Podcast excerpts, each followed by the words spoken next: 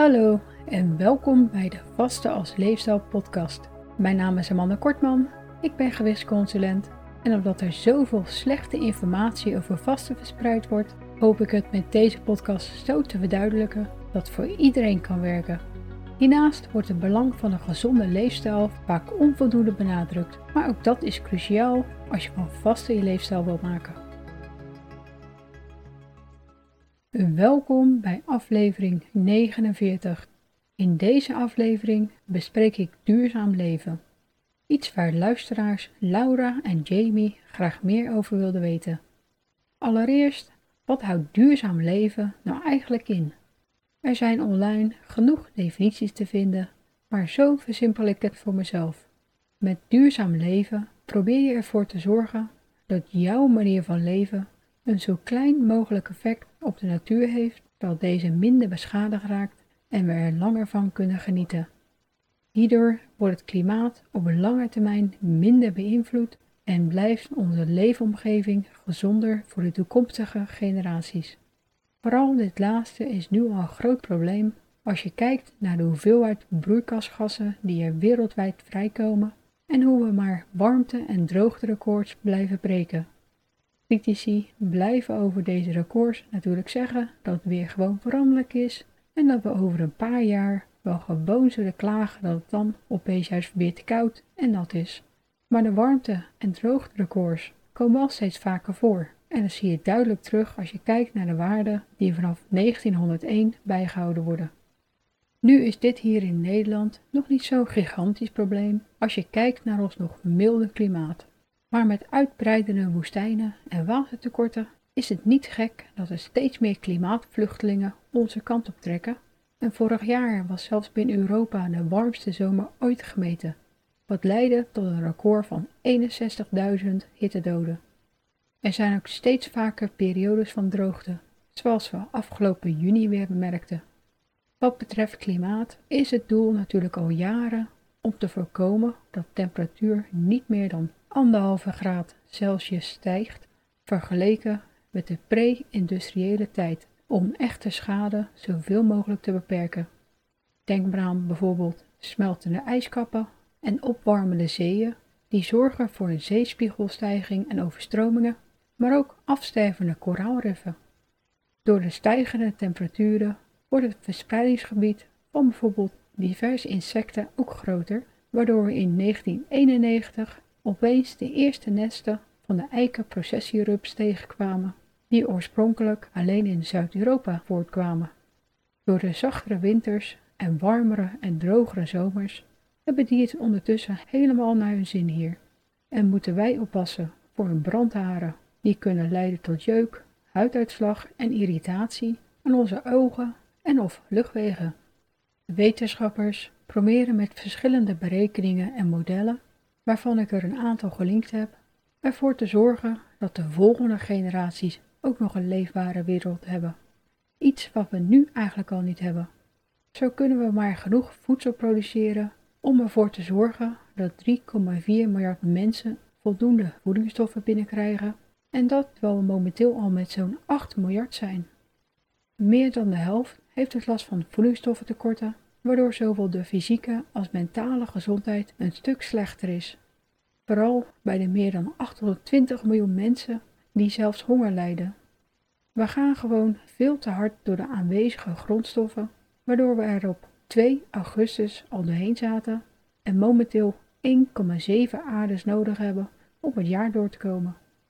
De eiwittransitie, die kort in aflevering 48 heb besproken, is hier een belangrijk onderdeel van en door dierlijke eiwitten wat vaker met plantaardige te vervangen, komen we al heel ver. Als er tenslotte minder dieren nodig zijn om onszelf te voeden, dan scheelt dat naast dierenleed door de onnatuurlijke manier waarop ze vaak gehouden worden en wat ze te eten krijgen, ook een heleboel broeikasgassen. Kunnen meer planten voor onszelf verbouwd worden en hoeven niet hele oerwouden plat voor bijvoorbeeld de soja die nu voor veevoer verbouwd wordt. We zitten gemiddeld op 40% plantaardige eiwitten en 60% dierlijke en het doel van de eiwittransitie is om deze percentages om te draaien. We worden dus echt niet verplicht om veganistisch te worden, iets wat ik vaak als kritiek hoor. Zoals ik ook in aflevering 48 al besproken heb, kunnen we als omnivoor van nature sowieso niet helemaal overgaan op plantaardig voedsel en dat wordt gelukkig dus ook niet verwacht. Hier in Nederland kan je de mogelijke tekorten die we dan oplopen, zoals vitamine B12, calcium, ijzer, zink en omega-3, dan wel grotendeels voorkomen door er een supplement voor te nemen of door ultrabewerkt voedsel te nemen waaraan dat wordt toegevoegd, maar dat is in heel veel landen natuurlijk niet vanzelfsprekend. En uit onderzoeken blijkt zelfs dat we het in toegevoegde vorm toch minder goed opnemen dan verwacht. Voeding bevat tenslotte meer belangrijke stofjes dan de voedingsstoffen die ik in afleveringen 30 tot en met 34 heb besproken. Als je meer over de eiwittransitie wil lezen, dan kan je het gratis e-book Our Future Proteins lezen, waarvan de link in de beschrijving staat. Het is en blijft natuurlijk een ingewikkelde kwestie waar wij als gemiddelde persoon in ons eentje niet heel veel aan kunnen doen. Maar als we er massaal voor kiezen om duurzamer te gaan leven, blijft er meer over voor de rest van de wereld en de volgende generaties. Je kan er online genoeg tips over vinden, maar ik heb hier een aantal van de meest praktische voor je. 1. Eet allereerst dus regelmatig vegetarisch. Houd hiervoor bijvoorbeeld vaste dagen in de week aan en of neem kleinere porties vlees. Het advies is om maximaal 500 gram vlees per week te eten, waarvan maximaal 300 gram rood vlees. Dus als je dagelijks hooguit 70 gram vlees eet, dan kom je hier ook aan. Eet hiernaast minder rood vlees, zoals steak, en vervang het voor bijvoorbeeld kipfilet, wat zo'n 5 keer minder belastend is voor het milieu. Insecten kunnen wat betreft voedingswaarde een uitstekend alternatief worden van vlees, zodra we ons over het gevoel van walging heen kunnen zetten, maar die kan je nog niet in de gemiddelde supermarkt vinden. Kweekvlees wordt ook nog wel eens benoemd als veelbelovend alternatief, maar met de huidige technieken is het veel vervuilender dan standaardvlees, dus dat is voorlopig nog toekomstmuziek. 2. Consuminder en koop alleen wat je nodig hebt. Dit geldt naast voedsel natuurlijk ook voor spullen en kleding. Als je vast, scheelt het wat betreft eten natuurlijk al een hoop, omdat het lastiger is om ongezonde en vooral onnodige extraatjes te eten als je in een kortere tijd eet. Als niemand zich meer zou overeten, zouden de welvaartsziekten ook gigantisch afnemen. En dat heeft op lange termijn een grote impact op het milieu, doordat er minder medicatie en behandelingen nodig zijn. Vermijd daarom natuurlijk ook ultrabewerkt voedsel. Het is verhoudingsgewijs dan wel goedkoper, maar het mist de voedingsstoffen die we nodig hebben en zorgt alleen maar voor een toenemende ziektelast. Vooral vasters merken natuurlijk dat ze steeds gezonder willen eten, dus dat is een handige bijwerking. 3. Drink vooral kraanwater. Het is het goedkoopst en minst vervuilend. Thee is een goede tweede keuze en dan koffie. En drink ze natuurlijk allemaal het liefst zonder toevoegingen.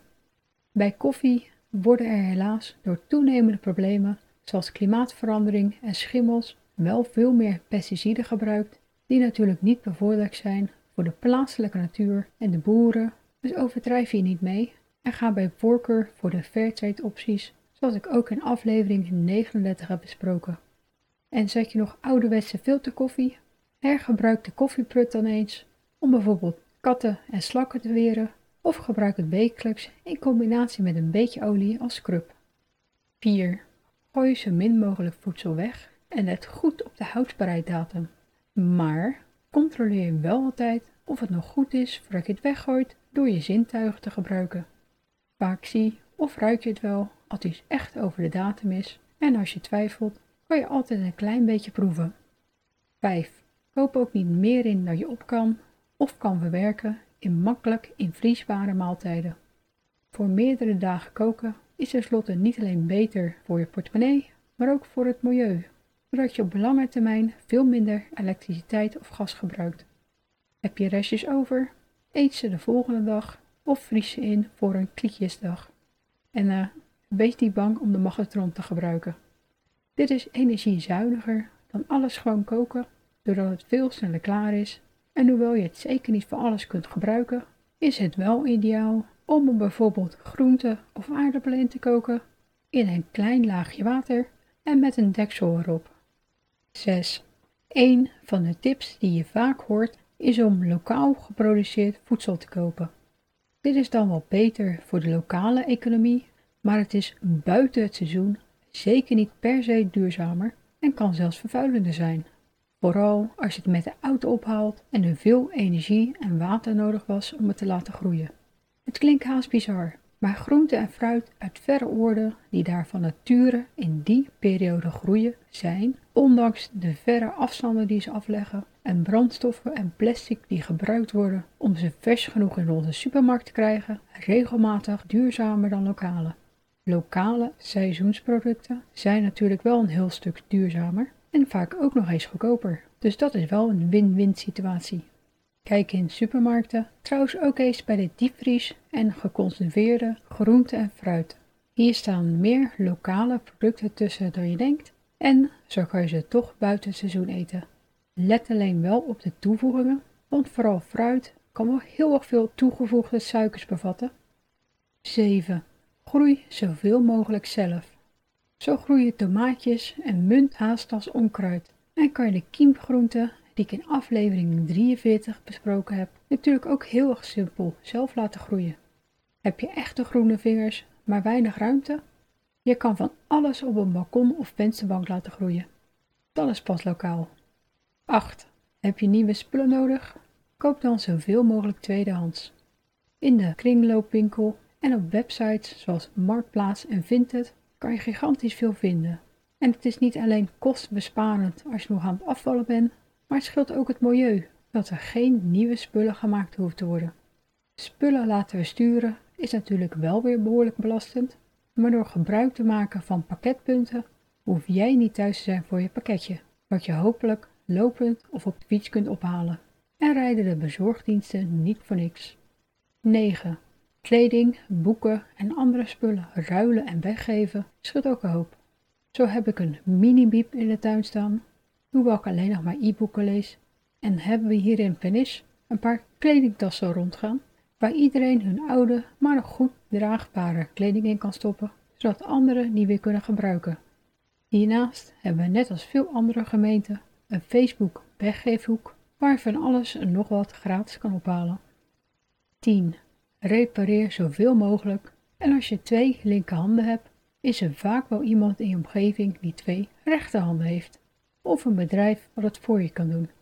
Kijk ook eens naar wat er allemaal in de buurt wordt aangeboden. Zo hebben ze in veel gemeenten een zogenaamde repair café waar je gratis spullen kan laten repareren. 11. Investeer in het verduurzamen van je huis en tuin. Zo houdt goede isolatie niet alleen de kou deels tegen, maar ook de warmte, zodat je minder hoeft te stoken of koelen in verband met de klimaatveranderingen. Moet het dak vervangen worden? Ga dan gelijk voor een wit dak of misschien zelfs een groen dak. Het scheelt zo een paar graden. Zonnepanelen zijn ook een goede investering, vooral als je elektrisch rijdt of veel thuis bent. Maak ook je tuin groener door tegels zoveel mogelijk te vervangen voor groen en vang regenwater op, zodat het watergeven ervan je geen drinkwater kost. Is je budget niet zo groot? Verwarm of koel dan alleen de ruimtes waar je op dat moment bent en plak de raam af met raamfolie zodat er meer warmte of koud tegengehouden wordt.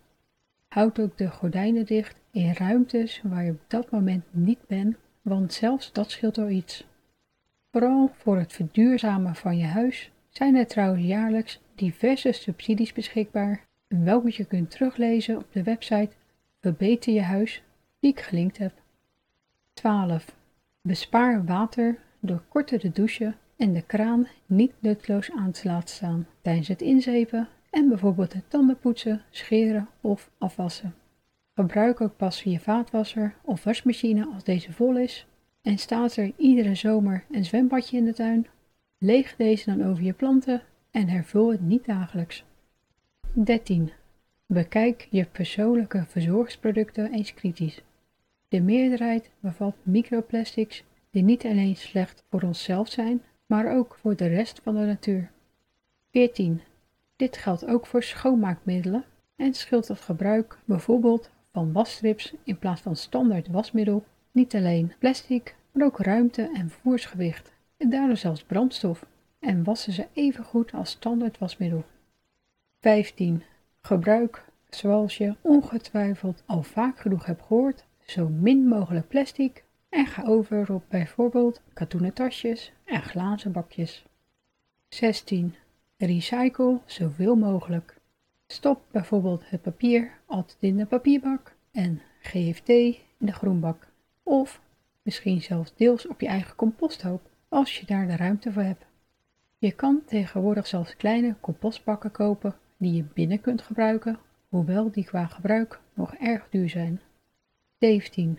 Reis zo min mogelijk met de auto en gebruik zoveel mogelijk de benenwagen, fiets en het openbaar vervoer. Is dat geen optie? Misschien kan je wel carpoolen. Vliegvakanties zijn natuurlijk helemaal vervuilend en een fietsvakantie doen of zelfs een staycation houden scheelt je niet alleen geld, maar ook het milieu. En als laatste 18. Laat je niet misleiden door greenwashing en de vele keurmerken die op producten staan en controleer ze op keurmerkenwijzer.nl.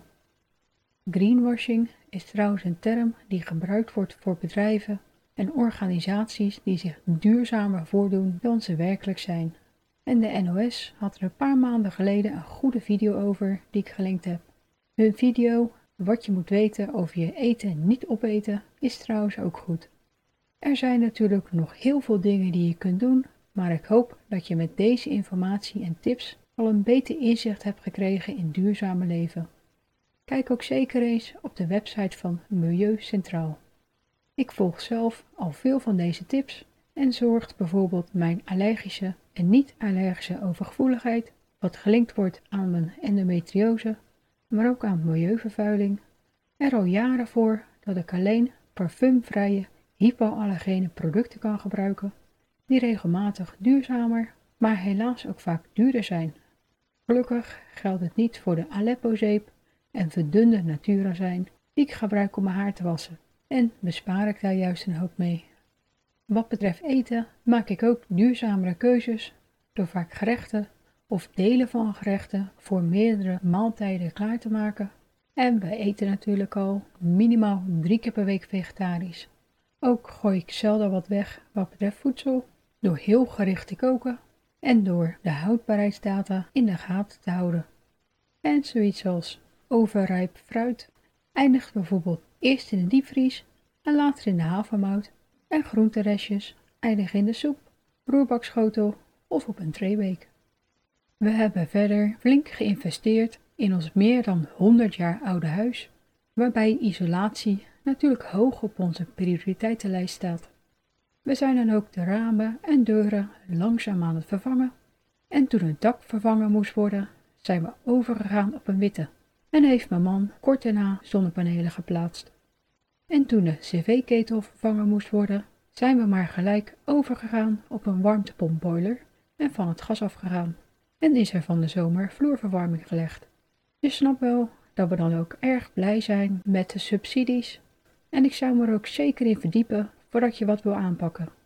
Een watersilo, composthoop, kas, natuurlijke vijver en kippenhouden staan nog op onze to-do-lijst. Maar aangezien ons klushuis nog niet af is, zullen die nog even moeten wachten. We hebben wel al een kwart van de tegels vervangen voor groen en dit gaat alleen maar verder uitgebreid worden. De voormalige tegeltuin zal er over een paar jaar dan ook heel anders uitzien, hoewel ik gezien mijn rolstoel natuurlijk wel voldoende tegels nodig heb om van A naar B te kunnen.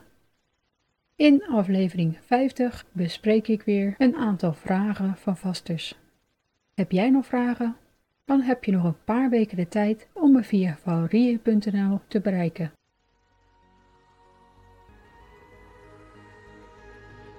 Bedankt voor het luisteren en vergeet niet dat je de onderwerpen en bronnen altijd in de omschrijving van de aflevering kunt vinden. Weet je niet zeker of sommige tips of adviezen ook voor jou geschikt zijn?